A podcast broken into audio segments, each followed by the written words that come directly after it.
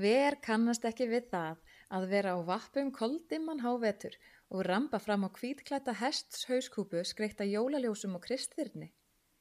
Í Wales er félagslindamerinn Mary Lloyd tíður gestur í ymsum þorpum og fylgja henni oft söngvarar og annað götulistafólk.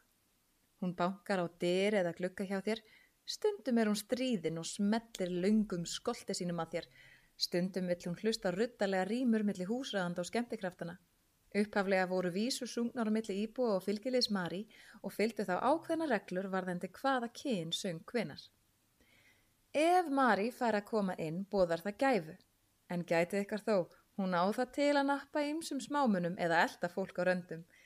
Þið getur rétt ímyndað ykkur hver hugulegt það er að hlaupa í myrkrinu og sjá að baki sér hauskúpu hests með ljósakúlur auktóftum og í meiðarklæðum með borða og bjöllur áfestar á harðaspretta og eftir sér.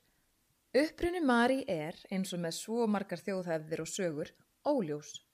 Sumir vilja meina að hún sé andi fylfillar merar sem átti að kasta nóttina sem Marja og Jósef stegu inn í fjárhúsi fræga en þurfti að standa fyrir utan til að gefa þeim plás.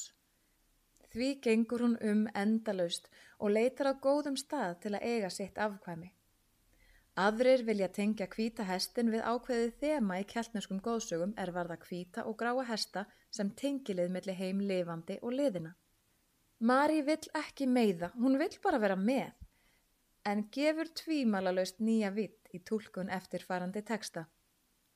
Vini mínum vakka ég í ró, en úti býður andlit á glugga.